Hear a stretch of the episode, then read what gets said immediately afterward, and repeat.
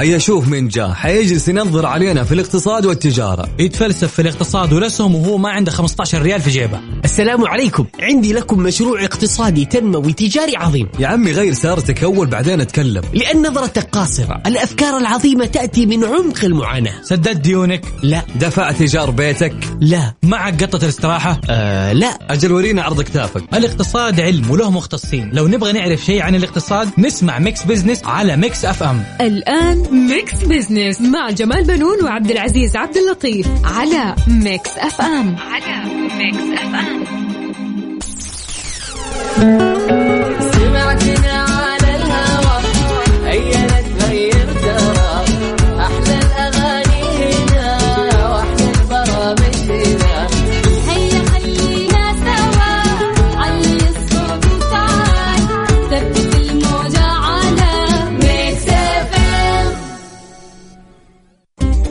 Business مع جمال بنون وعبد العزيز عبد اللطيف على Mix FM على Mix FM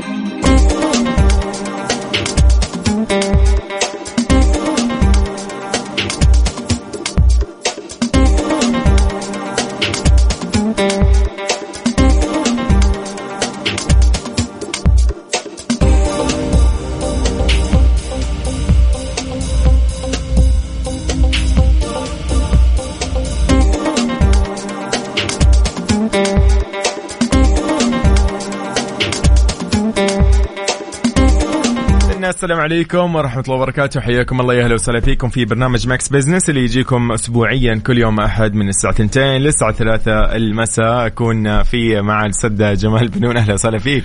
أهلا وسهلا آه، يوسف. آه، طبعا نرحب بالسادة المستمعين والبرنامج هذا. طبعا آه، بنحاول إنه يكون يعني نتناول القضايا الاقتصادية بالفعل. ونبسط رؤية 2030 بحيث إنها تكون أسرع فهما وهضما كمان. بالتأكيد. بالفعل. إذن بالعادة يكون طبعا زميلي عبد العزيز عبد اللطيف لكن نوجه له تحية اليوم. أنا بالنيابة عنه يوسف المرغلاني. مساء الخير عليكم جميعا. طريقة التواصل بيننا وبينكم هي الواتساب على 054 88 11 700 كل رسائلكم اقتراحاتكم آرائكم آه، أيضا مشاركاتكم الخاصة بالبرنامج وخارج البرنامج فهي مرحب فيها أكيد. وأيضا على تويتر مكسف راديو. بالعادة نطرح كل مواضيعنا نطرح كل أسئلتنا على تويتر أيضا at Mix FM Radio. صحيح. خلينا نبدأ بالخبر الأحدث. آه، قررت وزارة الحج والعمرة آه، تخفيض آه، أسعار باقات الشركات والمؤسسات خلال الحج. وجاءت الأسعار طبعا المعدلة ب يعني بعد تخفيضها بواقع 13943 ريال لباقة أبراج منى عظيم جدا. آه كان آه، طبعا جاءت الأسعار المعدلة بالفعل آه لو اليوم بنفصلها شوي بعد تخفيضها بال- آه الضيافة خيام المطورة برقم 9098 ريال لباقة الضيافة والخيام العادية. ففي في أكثر من باقة أتوقع أستاذ جمال يعني هي ثلاثة باقات. إي ثلاث باقات. عارف؟ الباقة الأولى زي ما قلنا إحنا هي إي بالفعل. 13943 ابراج منها آه، 11900 آه، خيام اللي هي. خيام مطورة بالفعل وفي ال 9098 اللي هي صحيح. بالضيافه الخيام العادية. الخيام العادية بالضبط كيف شايف الأسعار؟ والله أنا يعني بالنسبة لي آه، ما أقدر أقول رايي يعني ماني ما أقدر يعني يعني لو شيء. خمسة أشخاص حيحجوا من عائلة واحدة آه، يعني في حدود خمسين ألف ها؟ كثير ما ما, ما, أدري أنا بس أنا أشوف إنه الوزارة قالت انه الأسعار لا نعم. تشمل النقل البري أو الجوي من وإلى مكة يعني أنا تقبل الله من الحجاج إيه. حجهم الله يقويهم يعني بالفعل في شأن آخر آه، يوسف بالفعل. طبعا أطلق وزير السياحة السعودي. أحمد الخطيب برنامج يهدف لتنمية قدرات مئة ألف شاب في مجال وشابة السياحة. آه، وتزويدهم بالمهارات الرئيسية في مجال الضيافة والسياحة والسفر لتهيئتهم للعمل بالقطاع المزدهر طبعا في البلاد وتوفير الخبرات العالمية الواسعة في المجال طبعا آه، اللي حيكون مو- موجودين فيه. أكيد آه، يعني كل التوفيق لهم. آه، آه، مع أكثر من تقريبا خمس جامعات أو خمس خلينا نقول مناطق راح تشملهم للطلاب وأماكن جدا آه، مطورة أنا شفت الخبر هذا من يوم الخميس تقريبا كان نعم، نعم، بالفعل نعم. فكل التوفيق أكيد لهم ولكل الطلاب إحنا طبعا حنتكلم بالتفصيل حول هذا الموضوع حيكون معانا آه المهندس أنس الشاعر. آه مدير عام آه، مدير عام دعم المبتكرين ورواد الأعمال عظيم. بوكالة تنمية القدرات البشرية والسياحية بوزارة السياحة بالتأكيد اذا مستمعين راح نكون معاكم في فقرتنا الجاية. وأي استفسار أي ملاحظة أي شيء راح نكون معاكم على الواتساب على 054 88 11 700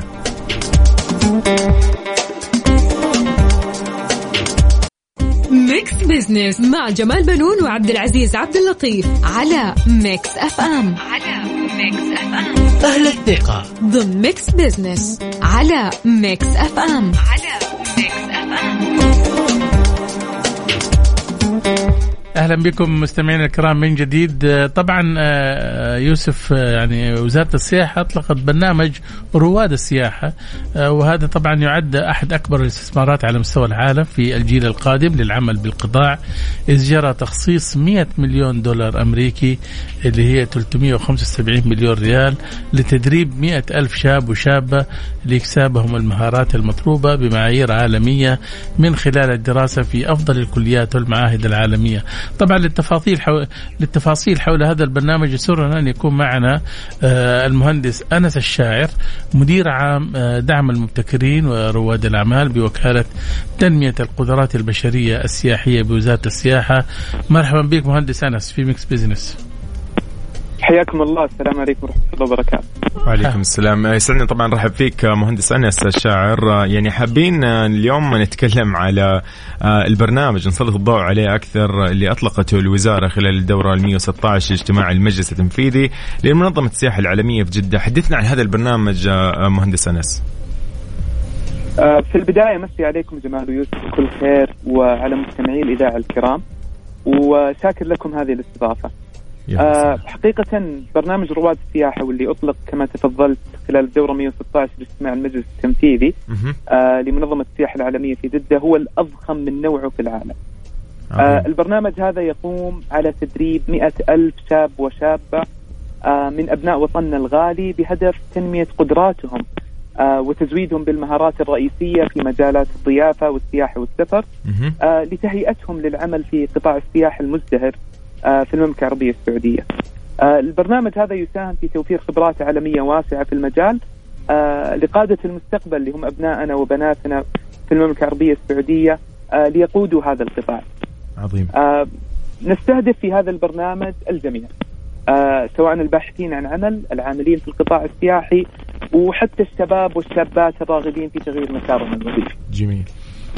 طيب مهندس أنس الوزارة أطلقت يعني قبل مدة استراتيجية خاصة بالسياحة والآن تطلق يعني مبادرات وبرامج جديدة هل الاستراتيجية هذه علاقة مباشرة في ذلك آه، وإيش هي أهم الأهداف اللي حتتحقق من هذا البرنامج؟ طبعا بلا شك إنه ال- البرنامج هذا برنامج رواد السياحة هو استكمال لاستراتيجيه وزارة السياحة اللي أطلقت في أواخر العام 2020 مهم. آه المعنية بتنمية القدرات البشرية في مجال السياحة. آه كما تحرص الوزارة من خلال استراتيجيتها الوطنية على تشجيع آه السعوديين والسعوديات على العمل في القطاع السياحي، تأهيلهم بالمهارات اللازمة بما يضمن آه إمكانيتهم من المنافسة والنمو بحول الله. آه بالعودة إلى سؤالك عن الأهداف المرجوة طبعا البرنامج يشمل اهداف كثيره ويمكن من أهم الأهداف ان ان ان أنها مبنية على تنمية المهارات في المجال، على رعايتها، على دعمها. آه نهدف أيضا إلى ترسيخ الثقافة المهنية ومساعدة المهنيين. آه حديثي التخرج وحديثي العهد آه على القطاع، نعمل على توسيع معارفهم مؤهلاتهم اللازمة للدخول آه في ال- المجال. آه ندعم مسيرتهم المهنية أيضا من خلال صقل مهارتهم ونساعدهم آه على إيجاد فرص عمل آه في القطاع السياحي، مثل هذه البرامج آه ترفع إمكانية حصولهم.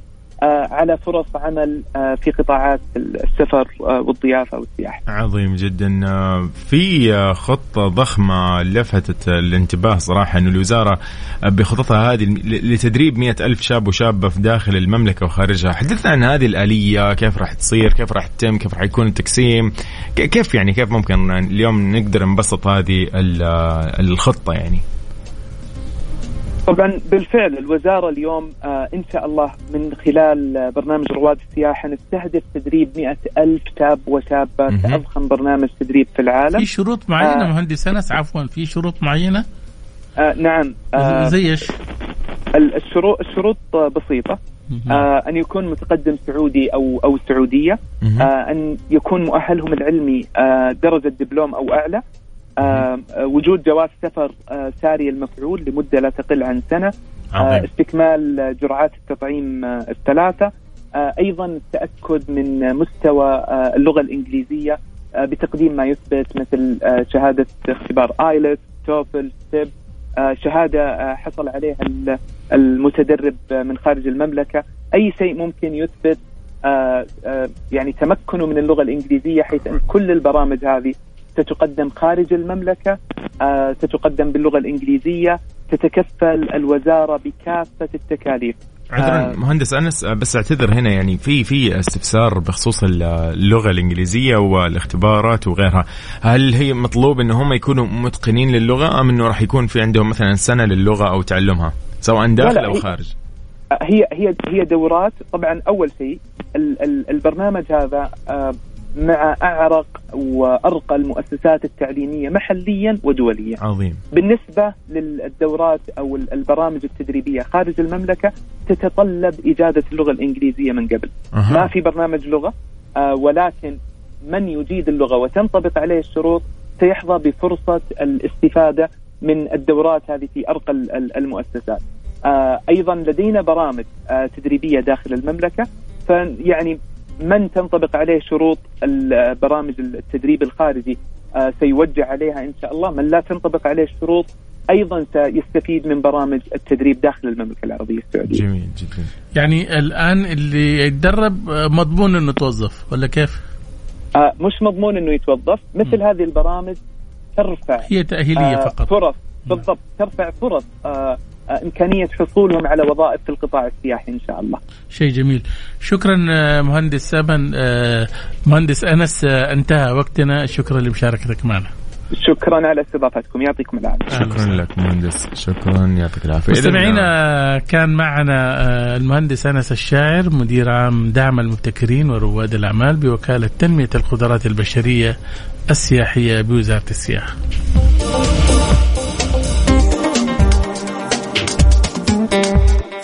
أهل الثقة. ضمن Mix Business على Mix FM على Mix FM Mix Business مع جمال بنون وعبد العزيز عبد اللطيف على Mix FM على Mix FM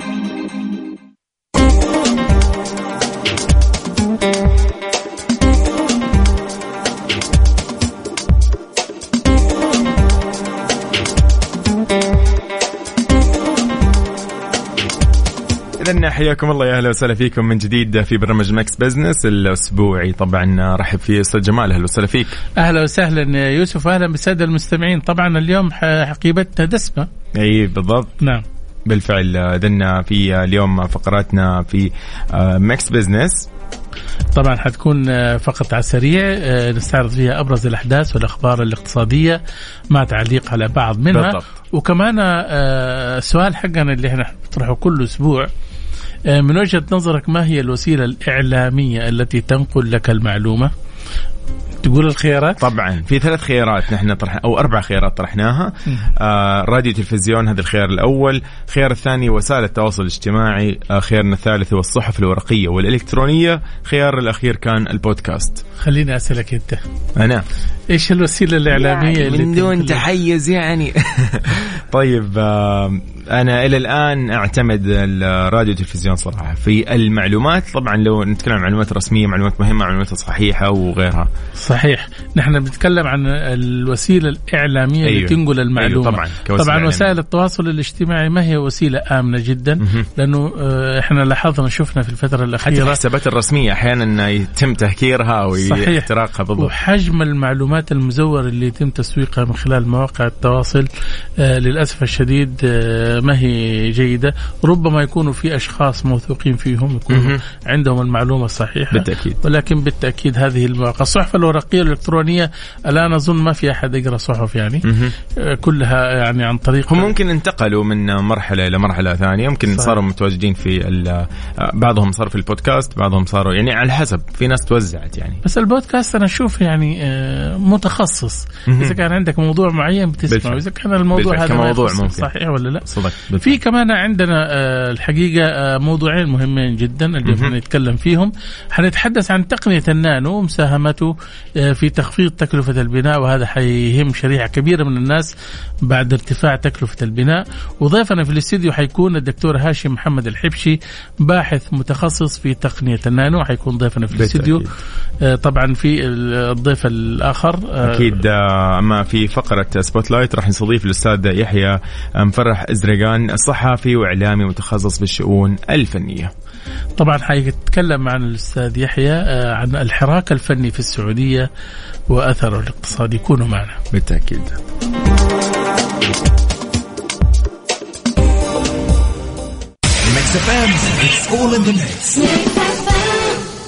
عشان أهل الثقة. ضمن Mix Business على Mix FM على Mix FM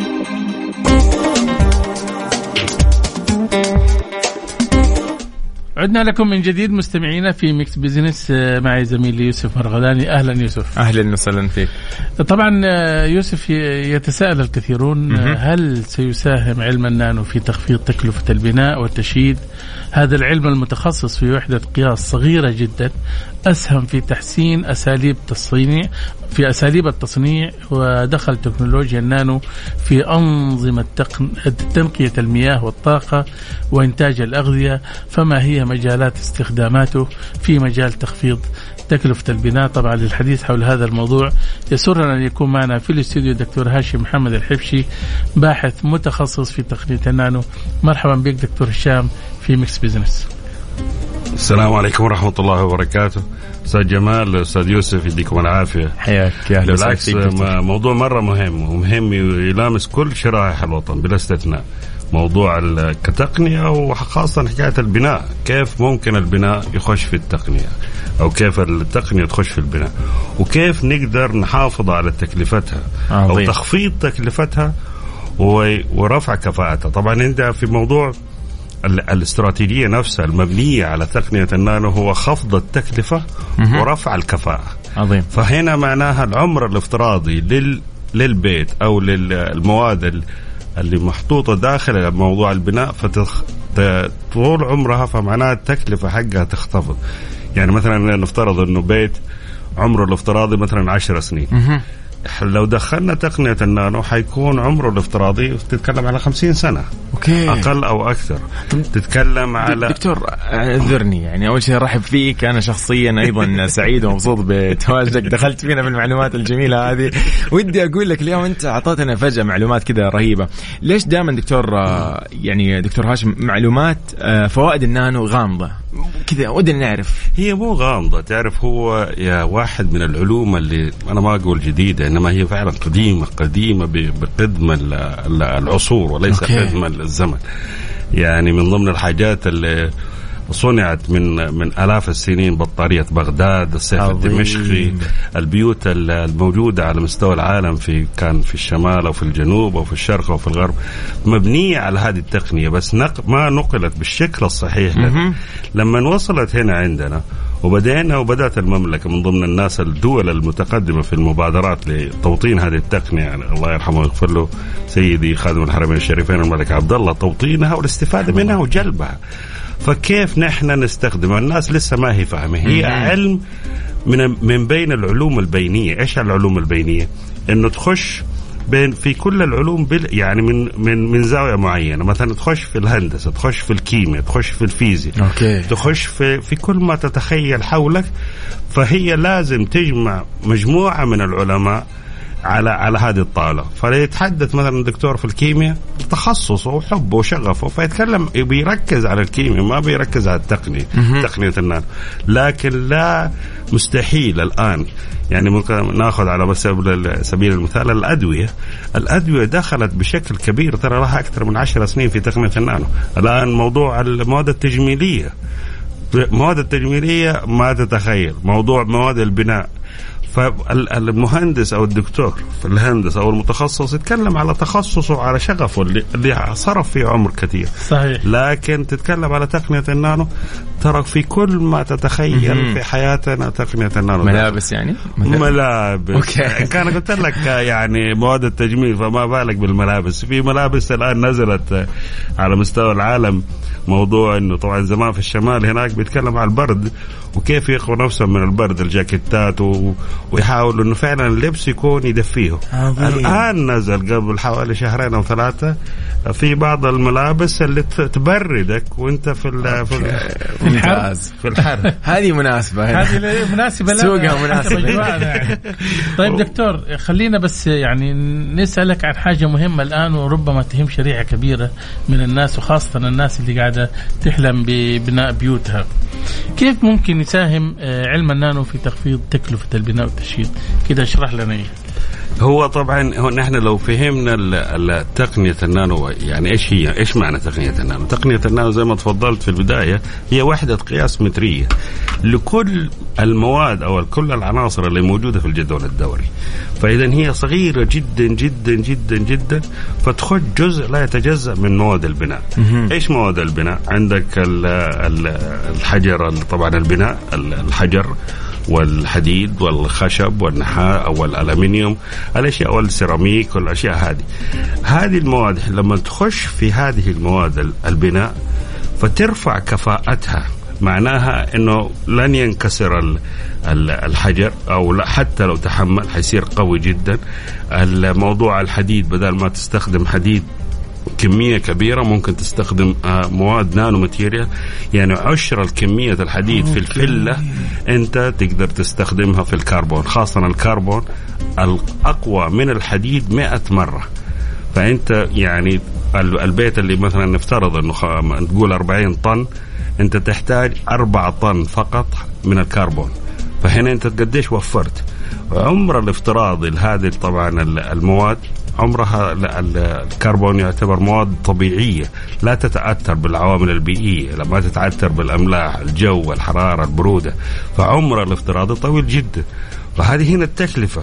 تكلفة إذا أنت رفعت الكفاءة وخفضت التكلفة خفضت القيمة المدفوعة لها. صح قد تكون مثلا نفترض أنه الكربون للطن بدل ما هو الآن الحديد مثلا ألف ألف ومئة أو ألفين نقول أنه الكربون حيصير أربعة آلاف أو ضعفه. بس أنت قد شوف الكمية اللي وفرتها في البناء. فانت تتكلم على توفير ترى لا يستهان به عمر افتراضي لا يستهان به. نعم. فهذا كله بطريقة أو بأخرى حيأثر على على المستهلك أو على البالي موضوع ال- الحجر يعني أنا صراحة ساعات يعني أنبهر حينما أقرأ وأكتب أو أقرأ في في العلوم القديمة. كيف بنوا زمان يا جماعة ال- الخزانات بمواد بسيطة جدا متوفرة عندهم تحفظ الماء فترة طويلة جدا. فلما انزل أشوف الخزانات خاصة في جدة التاريخية أو في بعض المناطق التاريخية مص- م- مبنية بطريقة لا تسرب ذرة من الماء. أوه ما شاء الله. عاد الفرق عن الآن يا دكتور.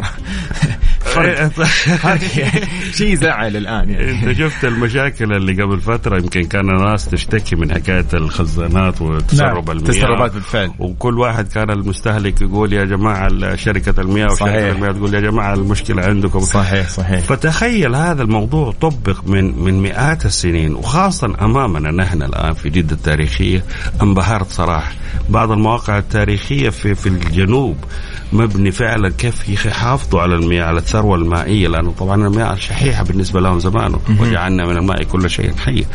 فالماء مهم جدا. تخيل قديش هذا فتحس انه الموضوع مسامات وتقفيل المسامات البنية هذه إنه ما يخليها تتسرب، الشيء الثاني الرهيب كمان إنه يحافظ على برودة الماء ما تتبخر. عظيم. فمعناه هذا نفس الشيء ينطبق على البيوت عندنا، نحن ال- ال- العوازل ال- موضوع البناء. فشغلة ترى حتوفر فاتوره الكهرباء حتوفر الاناره يعني لها أكثر من فائده يعني مو مو فائده وحيدة. مثلا أنا والله بخفض أو بطول عمر البناء. لا أنا بستفيد منها بأشياء ثانية ممكن. أنا ما أحس فيها يعني بشكل مباشر أو غير مباشر. دكتور طب نتكلم عن تطبيقها. هل نحن يعني بالفعل بدأنا في هذا المجال أم أنه بدري علينا لسه شوي لا، محتاجين لا، عمالة. محتاجين ناس يتقنوا هذا الشيء؟ بالعكس يا سيد الناس يعني صراحة مبادرات المملكة العربية السعودية في تقنية النانو وتوطينها بدأت يعني أنا أتكلم على أيام الملك عبد الله الله يرحمه ويغفر له وأنشأ على أساس جامعة الملك عبد الله موضوع جامعة الملك عبد الله أبحاثها يعني لا تتخيل مبهرة مبهرة وفعلا حاطة بصمة على مستوى العالم وليس على مستوى عظيم. جدا.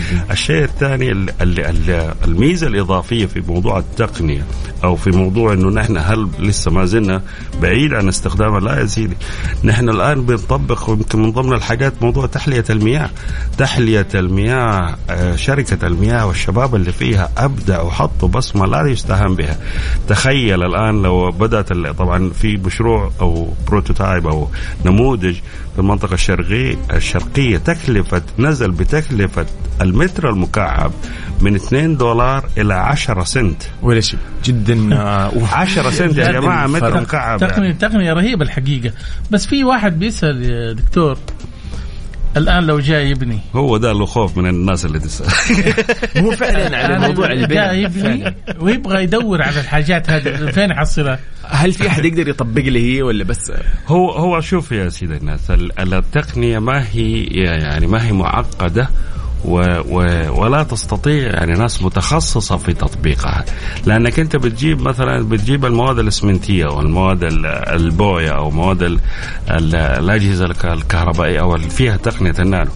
يعني ما المستهلك أو الإنسان العادي أو العامل البسيط لا يستطيع يعني لا ليس في ال في ال يعني في الحاجة أن يكون متخصص. أها غير محت... يعني نحن ما نحتاج والله شخص متخصص بإمكان نفس العمالة عمالة البناء اللي موجودة مثلا. بالضبط. ممكن لا يساعدونا أزيدك من الشعر. بيت يعني في في واحد المشاريع هنا وطنية والآن أتوقع حتأخذ دور فيها وخاصة إذا دخلت تقنيه النانو. ال- إنه يبني البيت في خلال أربع أسابيع بأربع عمال بس. أوكي. فهذا شوف اطمن. يعني أنا يا اطمن دكتور أنا لازم اطمن هذا يعني. كده حتطرح تساؤلات كثيرة من الناس وهذه أظن حلقة يعني كاملة كمان ما حتكفي. لكن آه إن شاء الله يعني حنستكمل حول هذا الموضوع في حلقات بالعكس يسعدني وز- بالذات في هذا المجال. يعني فعلا آه. يحتاج وقت أطول يحتاج أسئلة كثير. أنا في أسئلة في بالي كثير فما بالك بالمستمعين.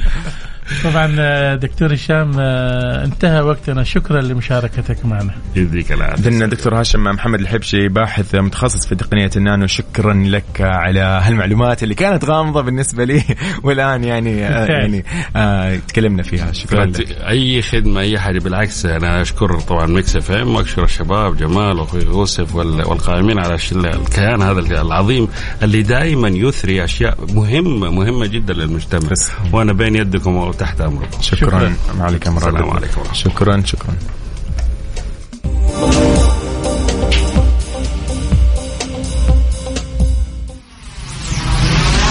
Mix FM. Mix FM. Saudi's number one hit music station. سمعتنا على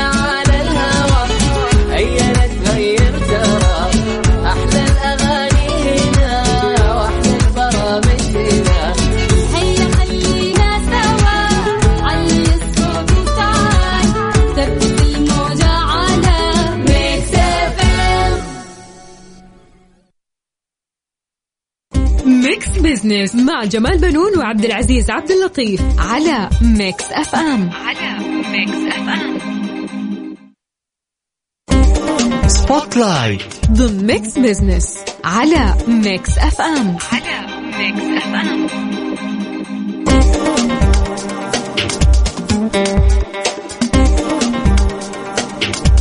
اذا حياكم الله يا أهلا وسهلا فيكم من جديد في فقرة Spotlight آه، أكيد آه، مكملين بمواضيع آه، أيضا مميزة. اليوم الفن لا ينتهي بقصيدة أو شعر ولا حتى بأغنية. الفن إحساس ذوق إبداع حتى الفرشاة الملونة. فن. اليوم نتحدث عن الحراك الفني واثره الاقتصادي سينمائيا ودراميا. كيف أيضا آه، تتحول مقتنيات الفنان كمشروع سياحي للحديث؟ طبعا حول هذا الموضوع يسرنا يكون معنا آه، من الرياض ولكن حاليا في الاستديو منورنا الأستاذ يحيى مفرح زرقان صحافي واعلامي متخصص بالشؤون الفنية. أهلا وسهلا فيك. يا أهلا وسهلا فيك حياك.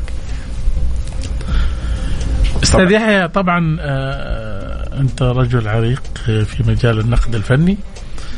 اليوم مهرجان للسينما في المنطقة الشرقية وقبلها في الرياض وجدة. كيف رأيت هذا الحراك السينمائي في السعودية وأثره الاقتصادي؟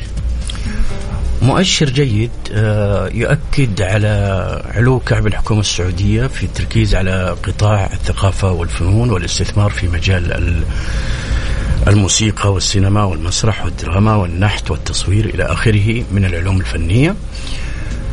كل ذلك تضمنه مشروع الدولة التنوير الكبير 2030 وبرنامج جودة الحياة كذلك. مهرجان السينما السعودية في نسخته الثامنة يعطي مؤشر كبير على أن هناك مشروع وطني لإبراز مقدراتنا التاريخية والثقافية والاجتماعية من خلال قطاع الثقافة والفنون. في المستقبل القريب سيكون هناك أيضا نشاط للمسرح ما أود أن أشير إليه أن الحكومة السعودية في الوقت الراهن تعمل على تأسيس البيئة التشريعية بالعلوم الفنية في سوق المهن والعمل الرسمي. عظيم.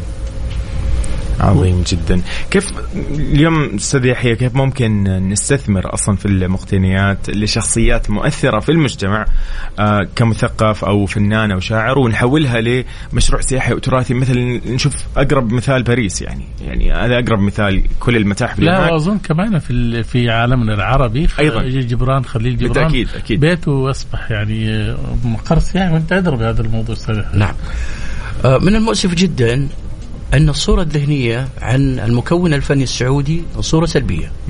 وهذا أمر مؤسف جدا. وهو ما تداركته الحكومة السعودية في مشروعها 2030 الفن في المملكة العربية السعودية يمتد تاريخيا إلى العصر الأموي والعباسي. أنت مو جاي من فراغ. أنت تملك ثروة فنية ضخمة.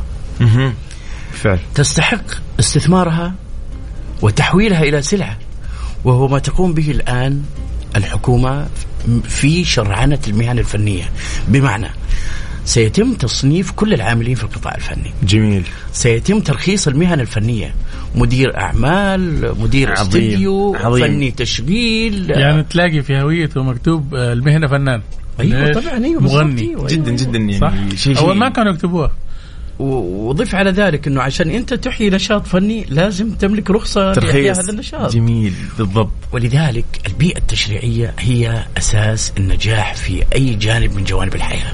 عظيم عظيم عظيم جدا. طب أنت تشوف مثلا يا أستاذ يحيى يعني كثير آه الآن كثير من الدول تتجه إلى إذا كان عندهم يعني مثلا على سبيل المثال في مصر الآن تلاقي آه مبنى متحف لسيده أم كلثوم وغيرها من الفنانين، إحنا. ممكن تكون عندنا متاحف بهذا الشكل لفنانين؟ أيضا الحكومة السعودية أعلنت عن تأسيس متحف للموسيقار طارق عبد الحكيم مؤسس النهضة الموسيقية السعودية الحديثة وهذا مؤشر قوي جدا على انفتاحنا كمجتمع كرأي عام كشارع محلي على ثقافة المتاحف. بالضبط.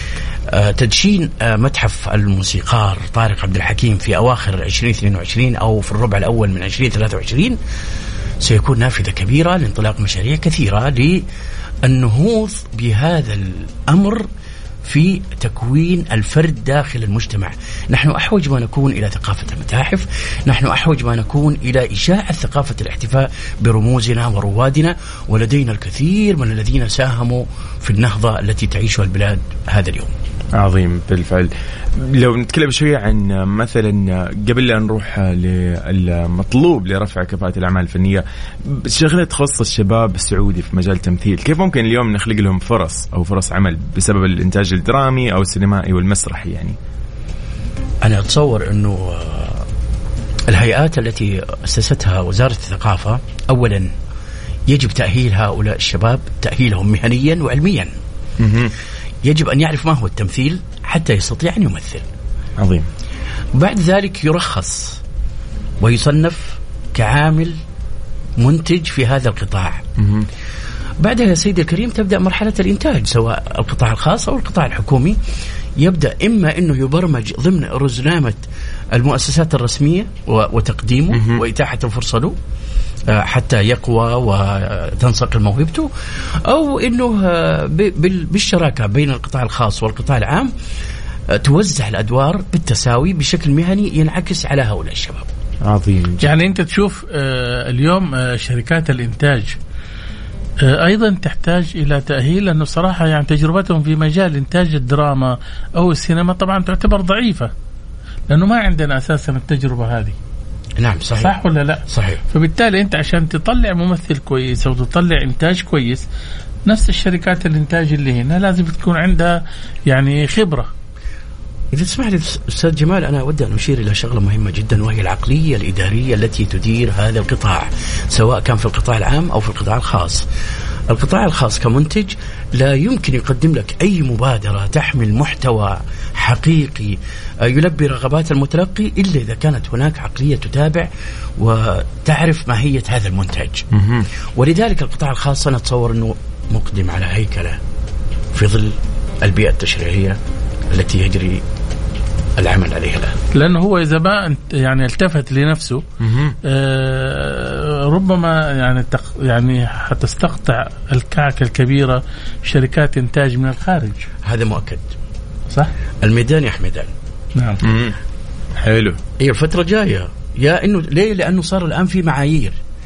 اليوم قطاعات الدولة أصبح عندها ضوابط ومعايير مختلفة عما كان معمول به في السابق. بالفعل. إذا لم تنجح في تنفيذ هذه الكراسة بضوابطها ومعاييرها المهنية ستكون خارج الم- آه، مضمار السباق أي هذا بالضبط. بالضبط بالضبط. صحيح. بالفعل. طبعا آه، الفن بكافة أشكاله وألوانه ورسالة يحتاج إلى اهتمام بل الاهتمام أيضا بالفنان نفسه الذي طالما يبدعنا بأعماله. آه، شكرا آه، أستاذ يحيى انتهى وقتنا. شكرا لمشاركتك معنا. شكرا لكم.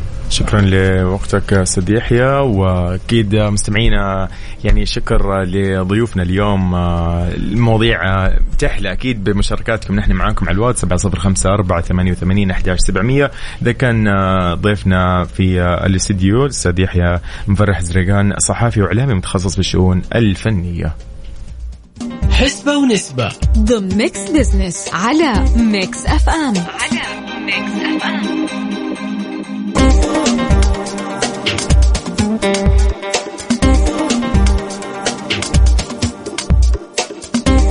حياكم من جديد آه، في Mix Business أرحب فيكم هلا وسهلا. أستاذ جمال يعني وصلنا لفقرة جدا جميلة.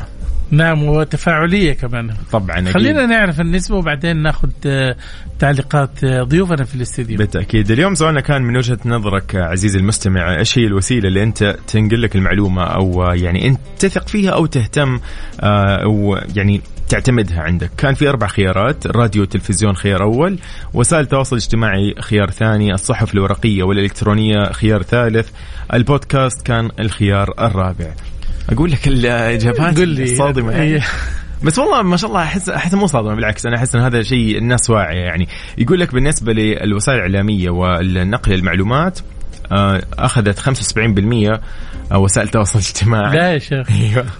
آه، لكن آه، الراديو والتلفزيون أخذت آه، المركز الثاني خلينا نقول 25% نعم. آه، الصحف الورقيه إلكترونية وبودكاست صفر. بس النسبة صادمة لما عرفت صادمة؟ أيوه إنه وسائل التواصل الاجتماعي لكن أنا ممكن إنه الناس بتصدق إشاعات أكثر.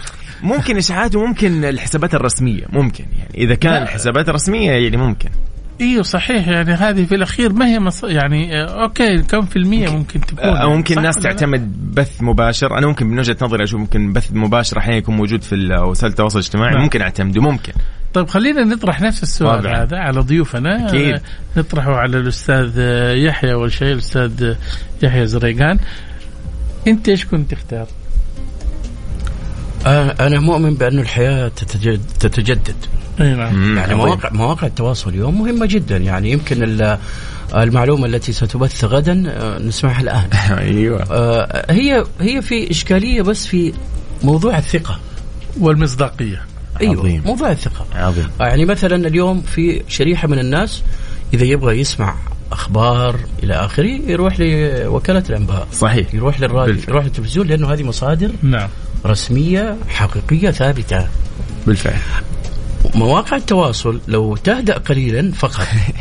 شيئا من الهدوء والثبات؟ بالضبط. شيء من الهدوء. بالفعل. نس نسمع رأي الدكتور هشام. أكيد. دكتور هاشم تفضل الحقيقة أنا يعني ما شاء الله الدكتور يحيى أستاذ يحيى يعني أبدع صراحة. وفعلا زي ما تفضل التجديد وارد. ونحن نشوف القفزات الحياتية. لو قفزات شيء مو طبيعي. هنا ما فيها تقنية النانو. صعبة. ابدا. ابدا أجل أنا أثني على كلام أستاذ يحيى إنه فعلا يعني هو ده ال- المستقبل إنه وسائل التواصل بس يخليني أفكر اذا اذا الآن ال- القوانين التشريعية يجب أن تبدأ تتعامل مع الوسائل التواصل الاجتماعي بطريقة احترافية لكي لا تكون هناك ظاهرة زي ما تفضلت الإشاعات وال- والتأثير السلبي على المجتمع و و- و. بالفعل نعم هذه آراء طبعا اليوم سمعناها وبالتأكيد آه، التعليقات آه، هتبين وكل واحد يدور عن معلومة بطريقته طبعا. صح ولا لا؟ طيب يا خبر بفلوس بكرة ببلاش بالضبط. اذا شكر كبير لضيوفنا اليوم كانوا معنا أكيد في الاستديو وأيضا عن طريق الهاتف. شكر كبير لك أستاذ جمال أيضا على هذا المحتوى اليوم. شكرا لك إنك نورتنا في البرنامج والحقيقة إن شاء الله يعني حاولنا نقدم آه، بالفعل. مادة اقتصادية خفيفة سهلة الهضم ودسمة آه، وبإذن الله الأسبوع القادم يتجدد اللقاء في أمان الله. بإذن الله في أمان الله. مع السلامة. اذا نذكركم بس هذه الحلقة مسجلة موجودة على البودكاست الخاص ب Mix FM dot SA.